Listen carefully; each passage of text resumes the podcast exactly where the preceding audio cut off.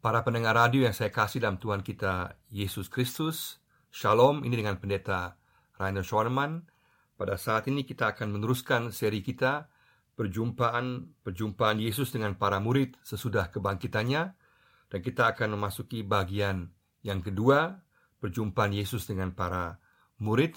Kita akan membaca dari Yohanes pasal 20 ayat 19 sampai 23. Yohanes pasal 20 ayat 19 sampai 23. Yesus menampakkan diri kepada murid-muridnya. Ketika hari sudah malam pada hari pertama minggu itu, berkumpullah murid-murid Yesus di suatu tempat dengan pintu-pintu yang terkunci karena mereka takut kepada orang-orang Yahudi. Pada waktu itu datanglah Yesus dan berdiri di tengah-tengah mereka dan berkata, "Damai sejahtera bagi kamu." Dan sesudah berkata demikian, ia menunjukkan tangannya dan lambungnya kepada mereka. Murid-murid itu bersuka cita ketika mereka melihat Tuhan. Maka kata Yesus sekali lagi, damai sejahtera bagi kamu. Sama seperti Bapa mengutus aku, demikian juga sekarang aku mengutus kamu. Dan sesudah berkata demikian, ia mengembusi mereka dan berkata, Terimalah roh kudus. Jikalau kamu mengampuni dosa orang, dosanya diampuni. Dan jikalau kamu menyatakan dosa orang tetap ada, dosanya tetap ada. Tema kita adalah diutus, disertai, dan diperlengkapi untuk tugas misi. Diutus, disertai, dan diperlengkapi untuk tugas misi. Perikop ini dalam Injil Yohanes merupakan perikop amanat misi. Juga disebut sebagai Pentakosta kecil karena kata kunci di sini adalah kata pengutusan. Yesus mengutus para murid dan semua orang percaya untuk tugas misi ke dalam dunia. Dalam pasal 20 dan pasal 21 dalam Injil Yohanes dijelaskan serangkaian penampakan Tuhan Yesus yang telah bangkit kepada beberapa pribadi, juga kelompok, juga para murid secara khusus. Yesus menampakkan diri kepada Maria Magdalena, kepada para murid, juga pada Thomas, juga pada para murid di pantai Danau Tiberias, kemudian lagi kepada Petrus secara khusus dan juga kepada Yohanes. Peristiwa kematian dan kebangkitan Tuhan Yesus sedemikian penting merupakan dasar daripada misi karena merupakan dasar untuk penebusan dosa juga kemenangan atas kegelapan dan maut dan merupakan juga dasar daripada segala pelayanan Kristiani sepanjang zaman dan sekaligus juga merupakan inti berita Injil Yesus yang telah mati dan telah bangkit dan inilah yang harus disampaikan kepada semua orang di dunia. Yesus yang telah bangkit yang membawa penebusan pengampunan dosa. Setiap penampakan Yesus ini mempunyai arti yang sangat penting, baik pada para kelompok-kelompok yang ada atau juga kepada pribadi-pribadi secara khusus, karena di sini Yesus menekankan berbagai pengajaran yang penting yang sebelumnya telah dia ajarkan dan sekarang dia ulang kembali untuk mengingatkan para murid. Misalnya tema tentang iman percaya, tentang kasih, tentang pelayanan, tentang ketaatan. Semua yang telah Yesus ajarkan sebelumnya, sekarang dia ingatkan kembali kepada para murid. Di sini fokusnya adalah kepada kehadiran Tuhan. Karena kehadiran Tuhan yang membawa pembaharuan, membawa perubahan besar. Yesus yang datang, Yesus yang datang ke tengah-tengah ketakutan para murid yang penuh kuasa. Dia yang telah bangkit, dia yang sungguh-sungguh real, nyata bangkit di antara para murid. Kemudian memberikan janji damai sejahtera memberikan pernyataan bahwa dia akan menyertai para murid dengan kuasa Roh Kudus dan memberikan penugasan untuk membawa Injil pengampunan dosa ke seluruh dunia. Jadi dari ketakutan kepada damai sejahtera, kepada keyakinan, kepada sukacita, kepada penerimaan Roh Kudus dan juga keberanian untuk kemudian menyampaikan berita pengampunan dosa keselamatan bagi dunia. Dan kehadiran Yesus di sini adalah kuncinya dia yang datang yang membawa perubahan. Dan hal yang sama juga berlaku untuk kita pada masa sekarang. Kita pun juga ditugaskan, kita pun juga dipanggil untuk hal yang sama, untuk terlibat, diutus, dan juga kemudian disertai dan diperlengkapi untuk tugas misi. Ada tujuh hal penting yang saya mau sebutkan secara singkat di sini, sesuai dengan alur teks dalam Yohanes pasal 20 ini. Yang pertama adalah situasi ketakutan para murid. Situasi ketakutan para murid ayat 19a. Para murid dikatakan berkumpul pada hari Minggu dan Yesus menjumpai mereka pada hari Minggu. Kenapa hari Minggu? Ada penekanan penting di sini. Karena kebangkitan terjadi pada hari Minggu, yaitu hari kemenangan, hari awalan sebuah ciptaan yang baru, sebuah masa yang baru, zaman yang baru yang menuju kepada kehidupan kekal.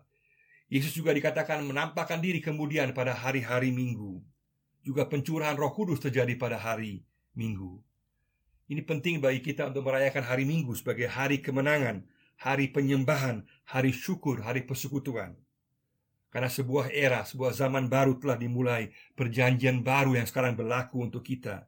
Maka prinsip sabat dalam perjanjian lama tetap berlaku sebagai hari istirahat, hari beribadah, bersekutu. Tapi sekarang dipindahkan kepada hari Minggu karena hari Minggu merupakan lambang daripada ciptaan yang baru, masa yang baru, perjanjian yang baru. Di sini para murid Meskipun mereka telah mendengar dari Maria Magdalena bahwa Yesus telah bangkit, mereka tetap terkunci dalam keadaan ketakutan. Mereka bahkan juga mengunci pintu-pintu karena takut dituduh, disalahkan, dianggap mencuri jasad Yesus. Dan mereka berada dalam ancaman bahaya yang besar.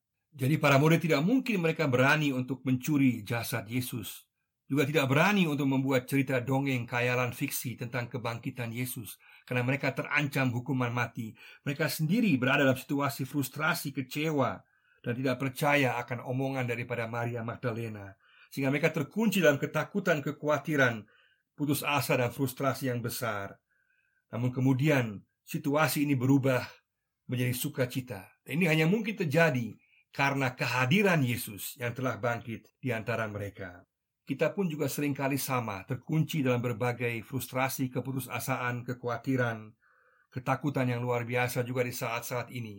Maka intinya adalah sejauh mana kita mau membuka diri kita, mengizinkan Yesus yang hidup yang berkuasa untuk mengubah ketakutan kita, untuk masuk ke dalam kekhawatiran kita, frustrasi kita, keputusasaan kita. Kita boleh membawa segala sesuatu kepadanya dan kita boleh yakin bahwa Tuhan akan merubah pola pikir kita, sikap kita, tindakan kita, akan mengubah keadaan kita karena Dia yang berkuasa. Yang kedua adalah di sini adalah kuasa ilahi Tuhan Yesus. Kuasa ilahi Tuhan Yesus ayat 19b merupakan dasar misi.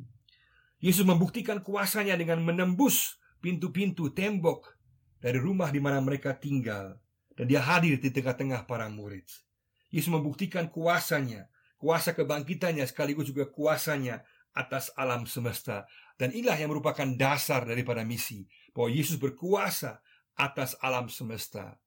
Yesus katakan dalam Matius 28, Padaku diberikan segala kuasa di langit dan di bumi. Maka Yesus memiliki kuasa juga berarti bahwa kita juga boleh menyerahkan segala kekhawatiran kita, permasalahan kita kepadanya. Kita boleh mengundang dia untuk hadir di tengah-tengah ketakutan kita. Maka itulah kesempatan bagi kita di tengah-tengah frustrasi, keputusasaan, ketidakmengertian kita, memberikan diri kita, membuka diri kita agar kuasa Yesus bertindak dalam kehidupan kita. Pasti perubahan yang ajaib akan terjadi dalam kehidupan kita saat kita mengundang kuasa Yesus dalam kehidupan kita. Yang ketiga adalah perkataan Tuhan Yesus. Perkataan Tuhan Yesus ayat 19c dan 21a ini merupakan inti berita misi, yaitu kata-kata Yesus yang luar biasa. Damai sejahtera bagi kamu, damai sejahtera bagi kamu. Ini bukan merupakan sapaan biasa, tapi merupakan inti berita Injil dan juga pemberian utama kepada orang-orang percaya, yaitu damai sejahtera. Hal ini ditekankan Yesus dua kali di sini, karena sangat penting. Juga kemudian di ayat 26 diulang kembali, damai sejahtera. Juga dalam Yohanes 14 ayat 27 sebelumnya Yesus bahwa damai sejahtera yang dia berikan berbeda dengan dunia ini. Tidak seperti yang dunia berikan. Juga Yohanes 16 ayat 33, Yesus menekankan bahwa damai sejahtera yang dia berikan mengalahkan dunia di tengah-tengah penderitaan yang akan dialami oleh orang-orang percaya. Damai sejahtera yang Yesus berikan ini yang juga merupakan inti berita misi adalah damai yang vertikal, damai dengan Allah dan juga damai internal, damai dengan diri sendiri dan juga damai secara horizontal, damai dengan orang lain, dengan sesama kita. Dan damai ini bersifat kekal, terlepas daripada situasi apa pun yang kita hadapi. Kita memiliki damai sejahtera Allah. kita berada dalam hubungan damai dengan Allah, damai dengan diri sendiri, dengan damai dengan orang lain. Itulah pemberian Tuhan yang luar biasa. Dalam Yesus kita aman sentosa saat ini dan kekal selama-lamanya. Dalam dunia kita takut, kita khawatir, tapi dalam Yesus kita aman sentosa. Damai sejahtera bagi kamu.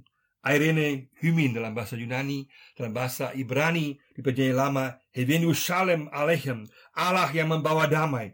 Di sini nampak ada kesinambungan dari perjanjian lama ke perjanjian baru. Allah damai beserta kita. Inilah tujuan kedatangan Yesus Immanuel, membawa damai sejahtera secara utuh baik rohani maupun jasmani. Dan itulah inti pemberitaan Injil dan juga pelayanan Kristiani. Dia yang membuat kita bersuka cita. Kehadirannya membuat sukacita. Pemberiannya, damai sejahteranya membuat kita bersuka cita. Dan itulah dasar daripada inti iman Kristiani juga sekaligus berita misi kita damai sejahtera yang Tuhan Yesus berikan. Sejauh mana kita telah mengalami damai sejahtera dengan Allah, dengan diri kita sendiri, dengan orang lain. Sudahkah kita mengalami kepastian kehidupan kekal? Kita mengalami kedamai sejahtera di tengah-tengah penderitaan, di tengah-tengah kesulitan. Kita mengalami kemenangan karena damai sejahtera Allah. Meskipun kita takut ada damai sejahtera Allah, kita dipanggil untuk membuka diri, mengundang agar kuasa Yesus hadir dalam kehidupan kita, damainya hadir dalam diri kita. Seringkali hal ini dirusak karena kita memiliki orientasi yang salah. Kita memiliki pemikiran yang salah yang akhirnya mengganggu kita sehingga kita kehilangan damai sejahtera Allah. Pada saat ini, Yesus mengatakan dia mau memberi damai sejahtera bagi kita. Mari sama-sama kita membuka diri kita, memberikan hati kita agar damai sejahteranya menguasai kita. Yang keempat adalah kehadiran Tuhan Yesus. Kehadiran Tuhan Yesus. Kematian dan kebangkitan Tuhan Yesus sebagai fakta misi ayat 20. Yesus hadir di tengah-tengah para murid membuktikan fakta kematiannya juga fakta kebangkitannya. Dia real, nyata mati dan real nyata juga bangkit. Dan untuk membuktikan itu bahwa dia bukan hantu, Yesus menunjukkan tangannya yang ditembus oleh paku dan lambungnya yang telah ditembus oleh tombak. Kehadirannya merupakan bukti nyata bahwa dia bangkit dari antara orang mati, dia hidup. Dan tanpa fakta penyalipan, tanpa fakta kebangkitan Yesus, maka semuanya adalah sia-sia. Iman Kristen sia-sia, gereja sia-sia, harapan sia-sia, dan juga misi sedunia adalah sia-sia. Jadi faktanya adalah bahwa Yesus bangkit, dan itu membawa sukacita yang besar bagi para murid. Dan ini yang menjadi fakta, menjadi dasar daripada misi. Yesus telah bangkit. Sekaligus juga Yesus yang mengenal penderitaan. Dia menunjukkan luka tangannya, luka lambungnya menunjukkan bahwa Yesus mengenal penderitaan kita. Dia tidak jauh daripada kita. Dia dekat, dia mengerti, dia peduli penderitaan kita. Hal yang sama juga dikatakan dalam Ibrani pasal 4 ayat 15. Yesus mengenal segala jenis penderitaan kita. Dia ditolak, diadili secara tidak adil, difitnah, dituduh, bahkan kemudian dibunuh secara kejam. Yesus mengalami penderitaan-penderitaan manusia. Dia mengenal luka-luka manusia. Dia tahu apa artinya penderitaan di tengah-tengah kehidupan dunia ini. Ini sekaligus penting bagi kita bahwa kita sebagai orang percaya akan mengalami sukacita, damai sejahtera Allah yang luar biasa. Dan sekaligus realita dunia juga adalah realita penderitaan. Dua-duanya akan ada bersamaan. Ada sukacita, juga ada penderitaan. Ada sukacita damai sejahtera dan juga ada penderitaan. Dan baru pada saat Yesus datang kembali untuk yang kedua kalinya, baru semua penderitaan akan lenyap. Tapi sekarang kita punya kepastian bahwa sukacitanya, damai sejahteranya menyertai kita. Yesus mengenal luka-luka kita. Dia tahu penderitaan kita. Kita boleh membawanya kepada Tuhan. Dia tahu goresan luka yang terjadi dalam kehidupan kita. Dia tahu situasi yang kita alami. Kita boleh meyakini bahwa dia peduli, dia mengerti situasi kita. Sekaligus dia mau memberikan sukacita, damai sejahtera di tengah-tengah tantangan, situasi sulit yang kita hadapi. Tuhan mau supaya kita bersifat realistis bahwa ada sukacita, ada damai sejahtera, juga akan ada penderitaan. Tetapi semuanya ada dalam naungan Tuhan, ada damai sejahtera Tuhan, ada sukacitanya yang akan menaungi kita. Yang kelima adalah penugasan misi oleh Allah Tritunggal. Penugasan misi oleh Allah Tritunggal sumber misi ayat 21 dan juga ayat 22. Yesus yang berkuasa atas alam semesta, dia memberikan damai sejahtera, dia menunjukkan fakta bukti kebangkitannya dari antara orang mati. Dan sekarang dia memberikan penugasan dan penugasan ini diberikan oleh Allah Bapa, Tuhan Yesus dan juga Roh Kudus bersama-sama. Dengan demikian tugas misi bukan ciptaan daripada gereja, tapi adalah Allah sendiri yang memberikan tugas misi ini. Karena gereja ada karena misi. Bukan gereja yang punya misi, tapi misi Allah yang memiliki gereja untuk menjalankan tugasnya di tengah-tengah dunia ini. Dan sekarang Yesus mengutus orang percaya untuk menjadi kesaksian di tengah-tengah dunia ini. Baik pelayanan secara rohani maupun jasmani, secara holistis, secara menyeluruh untuk orang-orang yang membutuhkan pertolongan. Seperti yang telah dia tunjukkan dalam pelayanannya Sebelumnya, Yesus menunjukkan pelayanan yang bersifat rohani dan bersifat jasmani. Maka gereja pun, kita orang percaya pun dipanggil untuk terlibat dalam tugas misi oleh Allah Tritunggal ini. Ini merupakan tugas yang diberikan kepada semua orang percaya. Semua harus terlibat. Karena ini hal yang penting, merupakan detak jantung Allah. Hal yang utama yang Allah ingin sampaikan. Bahwa seluruh orang percaya dipanggil untuk terlibat dalam tugas misi. Semua orang diutus. Apa pun dia, sesuai dengan keadaannya, sesuai dengan kemampuannya, situasinya, semua dipanggil terlibat dalam pelayanan misi ini. Sejauh mana kita sudah taat untuk melakukan tugas yang telah diberikan oleh Tuhan kepada kita. Menyampaikan damai sejahtera Allah, kuasa Allah, fakta kebangkitan kematian Yesus, sekaligus juga melayani orang secara menyeluruh sesuai dengan kebutuhan yang ada. Sudahkah kita mendengar penugasan misi yang diberikan kepada setiap kita? Yang keenam adalah Roh Kudus, kuasa pelaksanaan praktis misi. Roh Kudus adalah pelaksanaan, kuasa pelaksanaan praktis misi. Kekuatan misi ayat 22. Roh Kudus diberikan kepada kita. Maka untuk tugas besar ini, kita tidak ditinggal sendirian. Kita diberikan kekuatan yang luar biasa, yaitu kuasa Roh Kudus untuk sepanjang zaman. Di sini penghembusan Roh Kudus untuk pembaharuan para murid bersifat antisipatif. Karena pencurahan roh kudus baru kemudian terjadi di kisah para rasul pasal 2 pada hari Pentakosta. Tapi di sini ada pengembusan, ada janji yang Yesus berikan bahwa dia akan memberikan roh kudus yang akan memperbaharui mereka, melengkapi mereka, memampukan para murid dan juga semua orang percaya untuk terlibat dalam tugas misi. Dengan demikian, sesuai dengan Yohanes 14 ayat 15 sampai 31, Roh Kudus diberikan sebagai pengajar, penghibur, kuasa ilahi, dan hidup dalam pelayanan. Roh Kudus sekarang dihembuskan kepada semua orang percaya. Dan kemudian nyata pada hari pencurahan Roh Kudus pada hari Pentakosta. Semua orang dipanggil untuk menerima Roh Kudus. Selama kita tidak mau menerima Roh Kudus, tidak mau mengundang Roh Kudus, tidak mau memberikan dia ruang, kita tidak akan mengalami pembaharuan dalam kehidupan kita dan juga tidak akan dapat mampu menjalankan tugas pelayanan kita di tengah-tengah dunia ini. Kita boleh bersyukur bahwa kita tidak ditinggal sendirian. Roh Kudus diberikan kepada kita. Pertanyaanlah, maukah kita menerima Roh Kudus agar Roh Kudus yang berkarya, agar Roh Kudus yang merubah kita, memampukan kita sejauh mana kita mengandalkan Roh Kudus. Yang terakhir yang ketujuh adalah pemberitaan kepastian pengampunan atau wibawa misi ayat 23 pemberitaan kepastian pengampunan atau wibawa misi. Para murid bukan saja diberikan Roh Kudus, kuasanya, kekuatannya, sekaligus juga diberikan wibawa untuk menyatakan kepastian pengampunan dosa bagi mereka yang percaya dan mengaku dosanya. Karena dosa yang terbesar adalah dosa ketidakpercayaan. Kita baca Yohanes 20 ayat 29. Di barang siapa yang percaya pada Yesus akan diselamatkan Yohanes 3 ayat 16. Ada kepastian pengampunan bagi mereka yang mengaku sesuai dengan 1 Yohanes 1 ayat 9. Maka kita diberikan wibawa untuk membawa berita pengampunan dosa. Karena Yesus telah mati sebagai korban yang sempurna. Yohanes 1 ayat 29. Yesus menanggung dosa dunia sebagai anak domba Allah.